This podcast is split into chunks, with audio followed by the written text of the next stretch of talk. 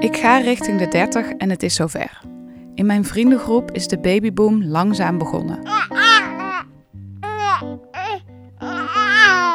Het gaat vaak via een persoonlijke mededeling of met een appje. Vergezeld met een foto van een echo waarop met veel fantasie een beginnende baby te ontdekken is. Rond de 20 weken volgen dan roze of blauwe ballonnetjes. It's a girl! En dan ergens richting de 40 weken of iets daarna volgt het verlossende bericht: Dreesje is geboren. Wat je iedere keer ziet is feest en geluk. Maar het kan ook helemaal anders lopen. Elk jaar overlijden er 1200 baby's, vlak voor of na de geboorte. Het gaat dan dus niet over miskramen, maar over later in de zwangerschap. Bij elke duizend geboortes overlijden er dus zeven baby's. En Nederland is daarmee in Europa niet het beste jongetje van de klas. Een aantal jaren geleden stonden we zelfs vrij onderaan de lijst. Inmiddels gaat het iets beter en staan we in de middenmoot. Maar dat is misschien niet zo hoog als je van een land als Nederland zou verwachten. Om welke baby's gaat het eigenlijk? Wie loopt er nou de grootste risico's? Hey Annelies. Gaan we in de cijfers duiken? Ik schakel de hulp in van Annelies Botjes, de cijfer- en Excel-wizard van de Research Desk hier. Er bestaat namelijk een enorm uitgebreide lijst met cijfers over geboortes, uitgesplitst naar allerlei verschillende variabelen. En Annelies probeert voor mij orde te scheppen in die chaos. Eh, nou, ik ben er vanochtend mee bezig geweest. Ik denk, eh, ja, eerst dan doe je het drie keer verkeerd, want dat, ik weet niet waarom, hoort erbij. Altijd denk ik, nu doe ik het niet eerst drie keer verkeerd, maar dit deed ik wel. Ja. Dus, eh, maar, nou, een paar, twee uurtjes denk ik of zo. Zo, ja. Babysterfte dus. Of met de officiële term perinatale sterfte. Maar wat is dat precies? Om die vraag te beantwoorden ga ik naar Perinet, een organisatie die alles registreert rond de geboortezorg in ons land. Hallo. Hallo. Hoi, welkom. Heike. Bij de winter. Hi. Ga zitten. Ja, dankjewel. Even, ja. Perinet is een samenwerkingsverband van gynaecologen, kinderartsen, huisartsen, pathologen en verloskundigen.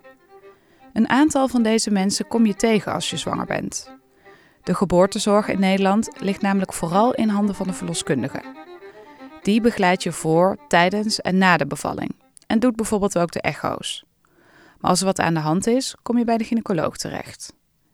Berinet zelf zul je nooit aan het bed zien. Zij zijn van de cijfers. Ik vraag directeur Gerda Winter waarom die cijfers voor hen zo belangrijk zijn. Nou, dat is belangrijk omdat toch, eh, ja, de geboortezorg in Nederland, dat overkomt iedereen. Iedereen wordt een keer geboren en eh, nee, ja, er- er gaat af en toe wel wat mis. Het gaat ontzettend vaak goed, meestal goed. Maar de keren dat het misgaat, proberen we zoveel mogelijk eh, te vermijden. En daar zijn die gegevens voor. Ik kom erachter dat er verschillende termen en definities zijn voor babysterfte. Maar de meest gangbare in Nederland is wanneer een baby overlijdt na de 22e week van de zwangerschap. In de baarmoeder, tijdens de bevalling of vlak daarna. In ieder geval binnen zeven dagen na de bevalling. Ik vraag me af, waar overlijden die baby's dan meestal aan? Als je naar babysterfte zelf kijkt, is een te korte zwangerschapsduur en het lage geboortegewicht is dé oorzaak. En dat, dat, eh, dat komt dus bij eh, bepaalde groepen dus wat meer voor dan bij andere groepen. Welke groepen dan? Ja, nou, eh, de belangrijkste zijn eh, dus inderdaad eh oudere moeder, een meerlingzwangerschap, het eerste kind krijgen, een niet-westerse achtergrond en een, een, een achterstandswijk wonen. Dat zijn eigenlijk de factoren die het belangrijkste zijn. Dat is meteen een flinke lijst. De eerste. Hoe ouder de moeder, hoe meer risico. Dat is algemeen bekend. Verder zijn er meer risico's bij tweelingen of drielingen dan wanneer het om één baby gaat. De baby's hebben namelijk minder ruimte in de buik om goed te groeien en worden vaak iets te vroeg geboren. En dan het eerste kind. Dat blijkt risicovoller te zijn dan een tweede. Maar wat me dus het meest opvalt in dit rijtje, een niet-westerse migratieachtergrond hebben, zoals dat tegenwoordig heet, of in een achterstandswijk wonen. Je postcode en je afkomst hebben dus invloed op de overlevingskansen van je baby. Weer terug bij mijn collega Annelies, die zich voor mij door de cijfers heeft geworsteld. Wat kwam zij tegen? Ehm, wacht, je had een paar vragen gesteld en die ga ik er even bij pakken.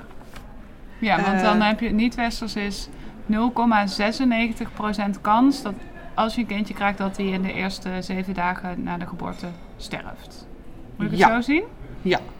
En bij Nederlands is het 0,73% kans. Ja. Ja. Oké. Eh, dus dat is hoger. Eh, en dan is natuurlijk de vra- vraag hoeveel hoger is dat? En dat heb ik eh, eh, hier uitgerekend. Annelies en ik zitten hier naar de percentages van 2011 te kijken. Dat zijn niet de meest recente cijfers, maar ze komen wel redelijk overeen. Kijk nu in je app voor de meest recente cijfers, die van 2015. In de grafiek zie je duidelijk dat de risico's hoger zijn voor moeders met een niet-westerse migratieachtergrond. Dat zijn bijvoorbeeld Turkse, Surinaamse of Marokkaanse vrouwen. De harde cijfers. Van de duizend kinderen die geboren worden met een moeder met een Nederlandse achtergrond, overlijden er in 2015 6,3. Bij duizend baby's met een niet-westerse migratieachtergrond zijn dat er 9,1. Bijna drie baby's meer dus. Dit betekent dat je meer dan 31% meer kans hebt dat je baby overlijdt als je een niet-westerse achtergrond hebt. Oké, dat is best wel veel. Ja, dat is een groot verschil. En Ja. dit, we kijken nu natuurlijk naar 2011, Ja. eh, maar dat, dat schommelt ook door de jaren heen. 2012 is het dus eh 52%, weer 32, 61, 44. Nou ja, dat is, dat is niet een heel stabiel getal, maar Nee. wel duidelijk flink hoger. Check nu je app voor de cijfers. Als we naar de vijf meest recente jaren kijken, heb je gemiddeld 44,5% meer kans dat je baby overlijdt. Als je bijvoorbeeld Turks, Surinaams of Marokkaans bent. Om dat even in context te plaatsen. Als je bijvoorbeeld ongezond leeft en rookt tijdens de zwangerschap, heb je 50% meer kans dat je kind overlijdt. Oké, een belangrijke risicogroep dus. Moeders met een niet-westerse migratieachtergrond. Maar er blijkt er nog één te zijn, met nog een hoger risico. En daarvoor moet ik naar. Erik Stegers, ik ben gynaecoloog en hoofd van de afdeling verloskunde en gynaecologie van het Erasmus MC in Rotterdam. Zijn naam staat boven heel veel wetenschappelijke onderzoeken naar babysterfte. Erik vertelt dat zijn interesse voor dit onderwerp begon toen hij als gynaecoloog vanuit Nijmegen naar Rotterdam kwam. Toen schrok hij. Van hé, hey, er is hier wat aan de hand. Het, le- ik leek wel of ik veel vaker dat probleem van sterfte van pasgeboren kinderen zag. Erik besluit het uit te gaan zoeken. Eerst in zijn eigen stad Rotterdam. En toen bleek dat er dus een aantal wijken in Rotterdam waren waar dat niveau drie of vier keer het Nederlands gemiddelde was. En wat toen onmiddellijk opviel, was dat dat de achterstandswijken waren. Welke wijken hebben we het dan Dan heb over? je het bijvoorbeeld over Charloes, eh, Delshaven, het Oude Noorden, Krooswijk, dat soort wijken. Erik maakt zich zorgen. En om de nare werkelijkheid in beeld te brengen, maakt hij een plattegrond van de babysterfte in zijn stad. Check die plattegrond nu in je Trace-app. Daar ging hij trouwens ook mee naar de wethouder, want hij vond dat hij moest ingrijpen. Nou ja, er zijn dus wijken die qua sterfte en ziekte van pasgeboren kinderen op het niveau zaten van Albanië. En Albanië doet het slecht. Nou ja, Albanië is natuurlijk een land met een relatief hoge eh, sterfte van pasgeboren kinderen. Dus ik zei wel eens dat ja, de, Rotterdam is een soort Albanië aan de Maas. Want nogmaals, ik denk niet dat iemand voorspeld had dat er dat soort wijken zijn met dat soort problemen. En na de onderzoek liet zien dat dat zeker niet alleen te maken had met eh, het wonen van mensen met een migrantenachtergrond in die wijken, maar dat het risico van het wonen in zo'n wijk vooral hoger was voor wat we dan noemen autochtone, zeg maar witte Rotterdammers in dit geval. En toen dachten we opeens, ja, er is heel wat anders aan de hand. En toen begrepen we het, want die wijken waar die risico's zo groot waren, dat waren de achterstandswijken. En toen konden we de vinger erop leggen, het was armoede. Het is pure armoede wat dat risico zoveel groter maakt. Dus eigenlijk zijn er twee risicogroepen. Dus de niet-westerse migranten lopen een groter risico en de autochtone eh, vrouwen in de achterstandswijken. Klopt dat? Ja, dat is helemaal waar. Erik wil hier alles over weten en doet nog veel meer onderzoek. Dan blijkt dit probleem niet alleen in Rotterdam te spelen, maar ook in de achterstandswijken van de andere grote steden: Amsterdam, Utrecht en Den Haag. Maar waarom doen die autochtone vrouwen het nog slechter in die wijken? Wij denken dat dat komt, en onderzoek laat dat ook wel zien, dat mensen met een migrantenachtergrond, ook al wonen ze in dat soort omstandigheden, beter voor elkaar blijven zorgen. Dus die sociale cohesie is groter. Ze blijven ook beter eten. En ze hebben overal toch ook een betere leefstijl. Terwijl mensen die uit de stad zelf komen en hier al generaties wonen. En als die in dat soort armoedeomstandigheden komen, dan zijn ze eigenlijk, raken ze alles kwijt. Uh, ze zijn vaak alleenstaand, dus alleenstaande moeders. Uh, ze zorgen niet meer goed voor hunzelf. Um, je ziet dat, uh, dat ze vaak roken, alcohol gebruiken of drugs gebruiken. Qua voeding gaat dat de verkeerde kant op. En je ziet ook vaak dat ze niet één of twee problemen hebben, maar een enorme hoeveelheid problemen waar ze ook niet meer uitkomen. En dat is het echte effect van armoede. Maar niet-westerse migranten blijken sowieso meer risico te lopen, waar ze ook wonen. In een dorp of een stad, een goede of een slechte wijk. Maar eigenlijk, want we hebben het steeds over een verhoogder risico, maar de kans dat een kindje sterft vlak voor of tijdens of vlak na de bevalling is niet zo heel erg groot, toch? Dus wat zegt het dan als het risico iets hoger is? Dan is de kans toch nog steeds best wel klein?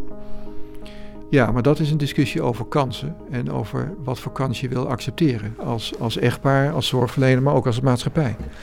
En ik vind elke, elke sterfte van een pasgeboren kind of elke vroeggeboorte van een pasgeboren kind of een kind wat niet goed gegroeid is in de zwangerschap, vind ik ernstig.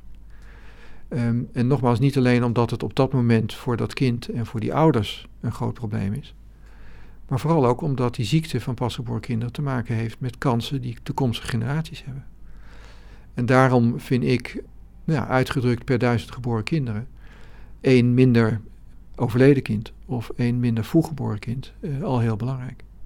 Elk kind telt eigenlijk. Precies, elk kind telt. En elk kind verdient een optimale kans op een gezonde start.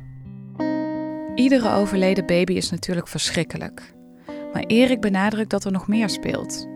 Er zijn namelijk nog veel meer kinderen die niet sterven, maar wel ziek zijn. Die door een slechtere zwangerschap een achterstand hebben, de rest van hun leven.